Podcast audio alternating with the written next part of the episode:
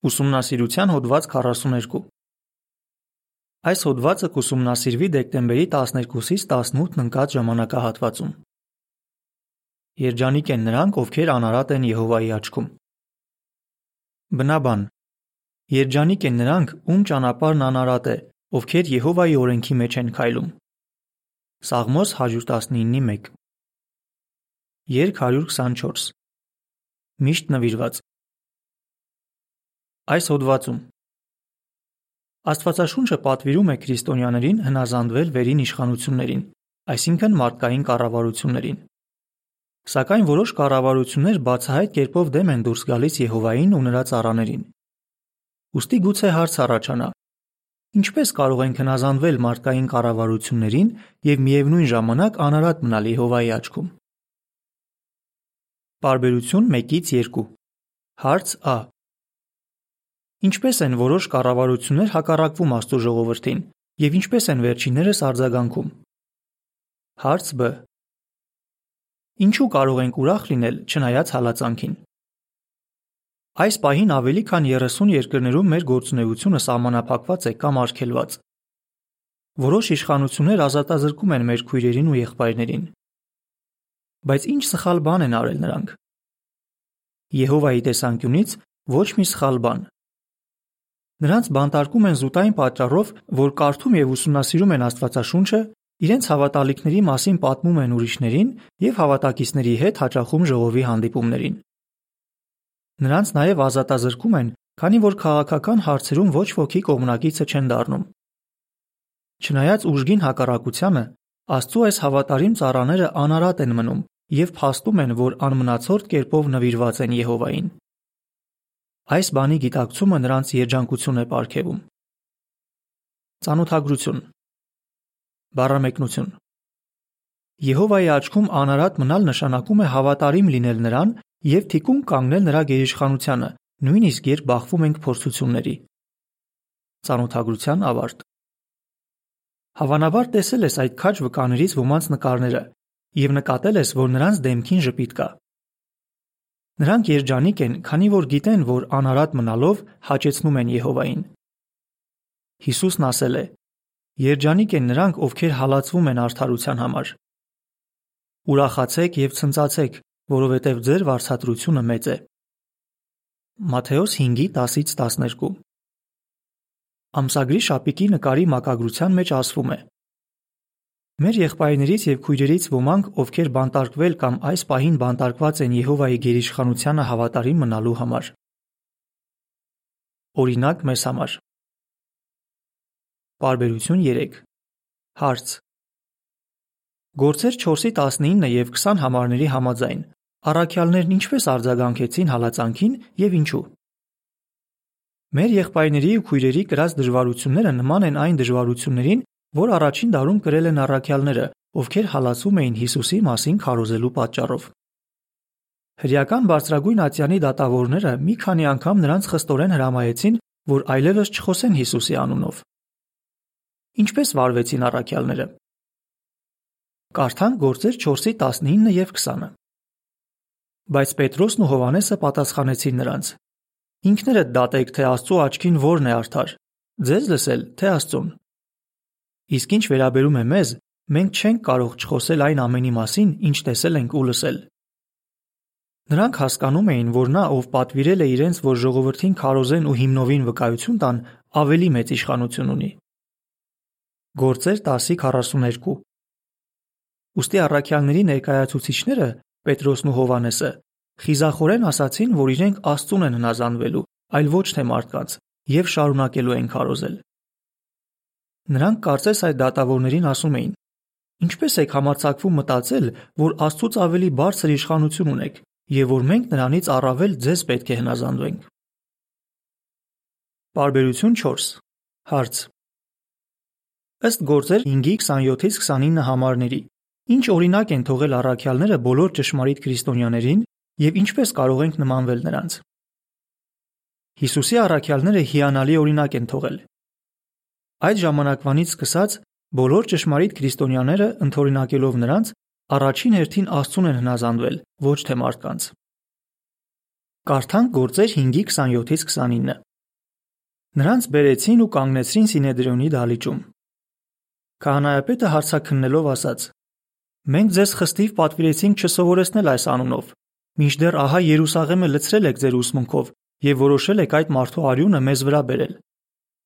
Պետրոսն ու մյուս առաքյալները պատասխանեցին. Մենք առաջին հերթին պետք է Աստծուն հնազանդվենք եւ ոչ թե մարդկանց։ Ճիշտ է, առաքյալները իրենց անարատությունը ողելու համար ծեծի ենթարկվեցին, բայց ուրախանալով գնացին Սինեդրիոնի առաջից, որովհետև արժանի եղան Հիսուսի անվան համար անարգանքի ենթարկվելու։ Դրանից հետո նրանք չդադարեցին քարոզել։ Գործեր 5-ի 40-ից 42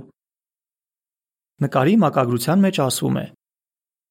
Պետրոսն ու Հովանեսը հիանալի օրինակ են թողել այն քրիստոնյաներին, ովքեր այսօր կանգնում են դատարանի առաջ եւ պաշտպանում իրենց համոզմունքները։ Բարբերություն 5 Հարց. Ինչ հարցեր են առաջանում։ Աստվածաշնչյան այս արձանագրությունը կարդալով գուցե մտածենք. այն, որ առաքյալները որոշեցին մարդկային իշխանություններից առավել Աստծուն հնազանդվել, արդյոք չէր հակասում սուրբգրային այն պատվերին, ըստ որի քրիստոնյաները պետք է հպատակվեն վերին իշխանություններին։ Իսկ մենք ինչպես կարող ենք Պողոսի պես հնազանդվել կառավարություններին ու իշխանություններին,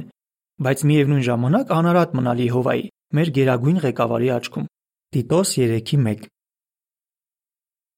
Վերին իշխանություններ Պարբերություն 6 Հարց Ա Հռոմեացիներ 13:1-ում նշված վերին իշխանություններ արտահայտությունը ում է վերաբերում եւ մենք ինչպես պետք է վերաբերվենք նրանց։ Հարց Բ. Ինչպիսին է բոլոր մարդկային ղեկավարների իշխանությունը։ Կարդանք Հռոմեացիներ 13:1-ը։ Թող ամեն անձ հպատակվի վերին իշխանություններին, որովհետև չկա մի իշխանություն, որ Աստծուց չլինի։ Գոյություն ունեցող իշխանությունները Աստծու կողմից են դրված իրենց հարաբերական դիրքերում։ Այս համարում վերին իշխանություններ արտահայտությունը վերաբերում է մարդկային ղեկավարներին, ովքեր իշխանություն ունեն ուրիշների վրա։ Քրիստոնյաներից պահանջվում է հնազանդվել նրանց։ Նրանք հոգ են տանում, որ պահպանվի հասարակական կարգը, հետևում են, որ մարդիկ չխախտեն օրենքները եւ երբեմն անգամ պաշտպանում են Աստծո ժողովրդին։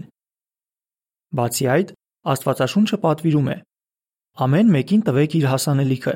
որին պետք է հարկ տալ հարկը, որին տուրք տուրքը, որին վախ վախը, որին պատիվ պատիվը։ Հռոմեացիներ 13:7 Սակայն մյուս կողմից կարևոր է հիշել, որ կառավարությունները ունեն իշխանություն, քանի որ Եհովան է թույլ տվել, որ ունենան այն։ Դա հստակ երևում է Հիսուսի խոսքերից, որոնք նա ասաց, երբ հռոմեացի կառավարիչ Պոնտացի Պիղատոսը հարցաքննում էր իրեն։ Երբ Պիղատոսն ասաց, որ իշխանություն ունի Հիսուսին կամ ազատելու, կամ մահվան դատապարտելու, վերջինս պատասխանեց. Դու ինձ վրա ոչ մի իշխանություն չէիր ունենա, եթե քեզ վերևից տրված չլիներ։ Հովանես 19:11 Ճիշտ է, Պիղատոսն ուներ իշխանություն, բայց այն սահմանափակ էր։ Նմանապես, Սահմանափակ է նաև այսօրվա կառավարիչների ու պաշտոնյաների իշխանությունը։ Բարբերություն 7 Հարց. Որ դեպքերում մենք չպետք է ենթարկվենք մարդկային ղեկավարներին եւ ում են նրանք պատասխան տալու իրենց իշխանությունը չարաշահելու համար։ Քրիստոնյաները հնազանդվում են իշխանությունների դրած օրենքներին, եթե իհարկե դրանք չեն հակասում Աստծո օրենքներին։ Մենք չենք կարող հնազանդվել իշխանություններին, երբ նրանք պահանջում են անել մի բան, ինչը Աստված արգելում է, կամ երբ թույլ չեն տալիս կատարել Աստծո պատվերները։ Օրինակ, հնարավոր է նրանք պահանջեն, որ երիտասարդները ծառայեն բանակում, արգելք դնեն Աստվածաշնչի նոր աշխարհ թարգմանության եւ մեր հրատարակությունների վրա, կամ էլ արգելեն քարոզել ու Աստծուն պաշտելու նպատակով միասին հավաքվել։ Հարկ է նաև նշել, որ երբ ղեկավարները չարաշահում են իրենց իշխանությունը, օրինակ հալածում են Քրիստոսի աշակերտներին, Նրանք պետք է պատասխան տան Աստծուն։ Չէ՞ որ նա ամեն ինչ տեսնում է։ Բարբերություն 8 Հարց Որն է Եհովայի իշխանության եւ մարդկային ղեկավարների ունեցած իշխանության տարբերությունը եւ ինչու է դրա մասին իմանալը կարեւոր։ Թեև կառավարությունները բարձր դիրք ունեն, սակայն նրանց իշխանությունը ամենաբարձրը չէ։ Բարձրագույն իշխանությունը պատկանում է Եհովային։ Աստվածաշնչում 4 անգամ ասվում է, որ Եհովա Աստված ամենաբարձրյալն է։ Ամենաբարձրյալը Բարբերություն 9 Հարց Ինչ տեսավ Դանիել մարգարեն իրեն տրված տեսիլքներում։ Դանիել մարգարեին տրված տեսիլքներից երևում է, որ Եհովայի իշխանությունը ամենաբարձրն է։ Սկզբում Դանիելը տեսավ 4 հսկա գազանների, որոնք խորհրդանշում են անցյալի եւ ներկայիս աշխարհակալ ուժերը՝ Բաբելոնը, Մարապարսկաստանը, Հունաստանը եւ Հռոմը, ինչպես նաեւ Անգլո-Ամերիկան, որն իշխում է այսօր։ Հետո Դանիելը տեսավ Եհովա Աստծուն, երկնային դատավորական աթոռին նստած։ Այն, ինչ այս հավատարիմ մարգարեն տեսավ հետո, նախազգուշացում է այսօրվա ղեկավարների համար։ Բարբերություն 10 Հարց.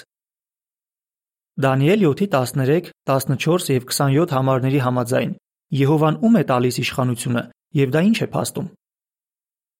Կարդանք Դանիել 7-13-ը, 14-ը եւ 27-ը։ Դանիել 7:13 եւ 14 Հետո գիշերվա տեսիլքներում նայում էի, եւ ահա երկնքի ամպերով գալիս էր մարդու որդու նման մեկը։ Նրան թույլ տրվեց մոտենալ հինավուրցին, եւ նա մոտ բերվեց նրան։ Եվ նրան տրվեց իշխանություն, պատիվ ու թակավորություն, որ เป զի բոլոր ժողովուրդները, ազգություններն ու լեզուները ծառայեն նրան։ Նրա իշխանությունը հավիտենական իշխանություն է, որը չի անցնի, եւ նրա թակավորությունը չի ավերվի 7:27 Թագավորությունը, իշխանությունն ու ողջ երկնքի թագավորությունների մեծությունը տրվեցին ամենաբարձրյալի սրբերի ժողովրդին։ Նրանց թագավորությունը դարեդար տևող թագավորություն է, եւ բոլոր իշխանությունները կծառայեն ու կհնազանդվեն նրանց։ Դանիելը տեսավ, որ Աստված մարդկային իշխանություններից վերցնում է ամբողջ իշխանությունը եւ տալիս նրանց, ովքեր ավելի հզոր են եւ արժանի դրան։ Խոսքը մարդու որդու նման մեկի, Հիսուս Քրիստոսի եւ ամենաբարձրյալի սրբերի 144 հազարի մասին է։ Նրանք կղեկավարեն դարեդար։ Դանիել 7:18 Միմիայն Եհովան իշխանություն ունի այդպիսի բան անելու։ Հետևաբար նա է ամենաբարձրյալը։ Բարբերություն 11 Հարց. Ինչ է գրել Դանիելը, որը փաստում է, որ Եհովայի իշխանությունը ամենաբարձրն է։ Դանիելի տեսածը ներդաշնակ է այն ամենին, ինչ նա նշել էր ավելի վաղ։ Մարգարեն ասել էր, որ երկնքի Աստվածը թակավորներ է գահանկեցանում ու նշանակում։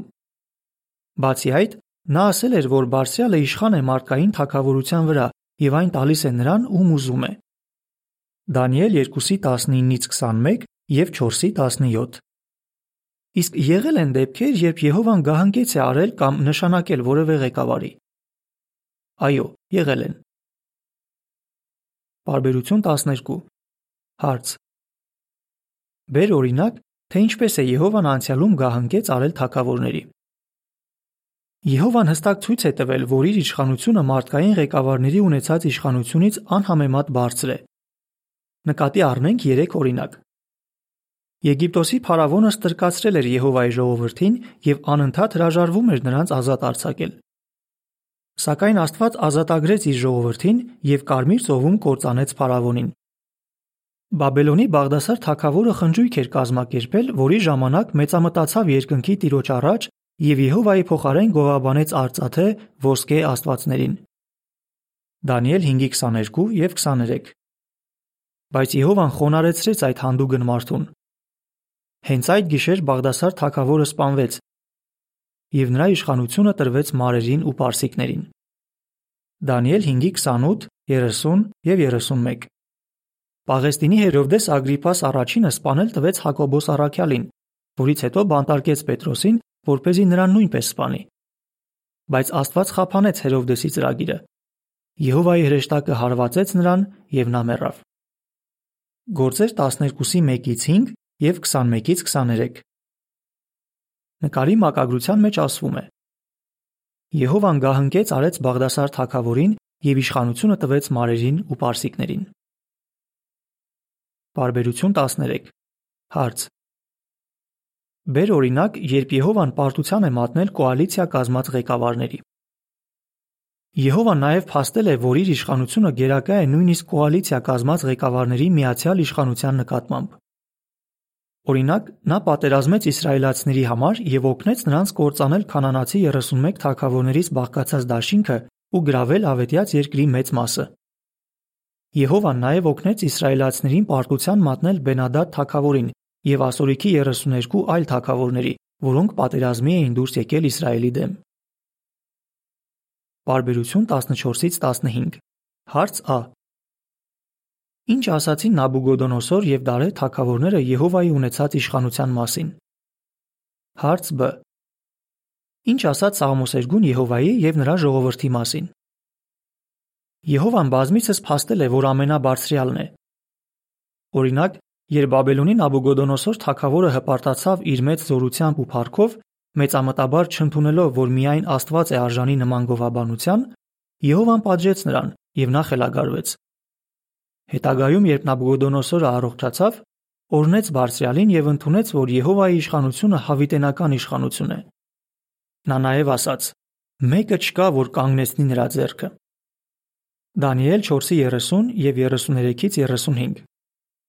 Իսկ մի անգամ, երբ Դանիել Մարգարեի անարատությունը փորձվեց եւ Եհովան ազատեց նրան արդյունքների երախից, Դարե թագավորը հետեւյալ հրամանն արձակեց. Մարդիկ ահուդող պետք է ունենան Դանիելի Աստծու նկատմամբ, որովհետև նա է կենթանի Աստվածը եւ հավիտյան գոյություն ունեցողը։ Նրա թակավորությունը չի կործանվի, նրա տերությունը հավիտենական է։ Դանիել 6:26 եւ 27 Եհովան քանդում է ազգերի մտադրությունները։ Նա խափանում է ժողովուրդների խորհուրդները, ասաց Սաղմոսերգուն եւ հետո ավելացրեց. Երջանիկ է այն ազգը, որի Աստվածը Եհովան է, այն ժողովուրդը, որին նա իր համար որպես ժառանգություն ընտրեց։ Սաղմոս 33:10 եւ 12 Իրոք որ մենք հիմնավոր պատճառ ունենք անարատ մնալու Եհովայի աչքում։ Վճռորոշ պատերազմ Բարբերություն 16 Հարց. Ինչու՞մ կարող ենք համոզված լինել եւ ինչու։ Մենք տեսանք, թե Եհովան ինչեր է արել անցյալում։ Իսկ ինչ է նա անելու մոտ ապագայում, Կարող ենք համոզված լինել, որ գալիք մեծ նեղության ժամանակ Եհովան փրկելու է իր հավատարիմ ծառաներին։ Երբ Մագոգի Գոգը, այսինքն ազգերի կոալիցիան, լայնամասշտաբ կատաղի հարցակում գործի Եհովայի հավատարիմ ծառաների վրա, նա գործի կանցնի։ Նույնիսկ եթե այդ կոալիցիան բաղկացած լինի Միացյալ Ազգերի կազմակերպության բոլոր 193 անդամներից, միևնույն է, ամենաբարձրյալը եւ նրա երկնային զորքը հաղթանակ կտանեն նրանց դեմ։ Եհովան խոստանում է. Ես կմեծարվեմ, կսրբացվեմ ու կճանաչվեմ շատ ազգերի աչքի առաջ։ Եվ նրանք պիտի իմանան, որ ես Եհովան եմ։ Եզեկիել 38:23 Բարբերություն 17 Հարց. Ինչ է կանխագուշակել Աստվածաշունչը երկրի թակավորների եւ նրանց վերաբերյալ, ովքեր անարատ են մնում։ Գոգի հարցակումը կհանգեցնի Արմագեդոն պատերազմին, որի ժամանակ Եհովան կկործանի ողջ բնակեցված երկրի թակավորներին։ Հայտնություն 16-14-16 Իսկ ուղամիտները կբնակվեն երկրի վրա եւ անարատները կմնան նրա վրա։ Առակներ 2:21 Նկարի մակագրության մեջ ասվում է. Եհովայի երկնային զորքը առանց որևէ դժվարության պարտության կմատնի ազգերի կոալիցիային։ Մենք պետք է անարատ մնանք։ Բարբերություն 18 Հարց Շատ քրիստոնյաներ ինչ են պատրաստ եղել անելու եւ ինչու։ Դանիել 3:28 Դարեր շարունակ բազմաթիվ ճշմարիտ քրիստոնյաներ վտանգել են իրենց ազատությունը եւ նույնիսկ իրենց կյանքը հանուն Եհովայի, իրենց գերիշխանի։ Այս քրիստոնյաները վճռականորեն պահել են իրենց անարատությունը, ինչպես այն 3 հрեաները, ովքեր հավատարիմ մնացին ամենաբարձրյալին, ինչի շնորհիվ էլ նա փրկեց նրանց կրակով բորբոքված հնոցից։ Կարդանք Դանիել 3:28-ը։ Նաբուգոդոնոսորն ասաց. Օրնյալ լինի Սեդրաքի, Միսաքի եւ Աբեդնագովի Աստվածը, որն ուղարկեց իր հրեշտակին ու փրկեց իր ծառաներին, որոնք ապավինում էին իրեն եւ որոնք զանց արեցին թակավորի խոսքը եւ իրենց մարմինները կրակին տվեցին, որովհետեւ իրենց Աստծուց բացի որևէ Աստծու չէին ուզում ծառայել ու երկրպագել։ Բարբերություն 19 Հարց. Եհովան ինչի հիման վրա է դատելու իր ժողովրդին եւ մենք ինչ պետք է անենք այսօր։ Աստծո աչքում անարատ մնալու կարևորության մասին Սաղմոսերգու Դավիթն ասել է. Եհովան դատավճիռ է հրճակելու ժողովուրդներին։ Դատիր ինձ, ով Եհովա, իմ մեջ եղած արդարության եւ անարատության համեմատ։ Սաղմոս 7:8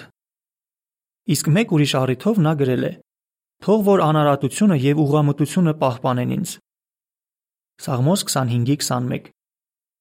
անկասկած Եհովային հավատարիմ մնալը լավագույն բանն է, որ կարող ենք անել կյանքում։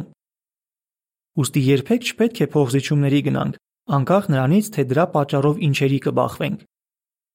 Եթե այդպես վարվենք, Սաղմոսերգուի պես կարող ենք ասել. Երջանիկ են նրանք, ում ճանապարհն անարատ է, ովքեր Եհովայի օրենքի մեջ են քայլում։ Սաղմոս 119:1 Կրկնության հարցեր Ինչ կպատասխանես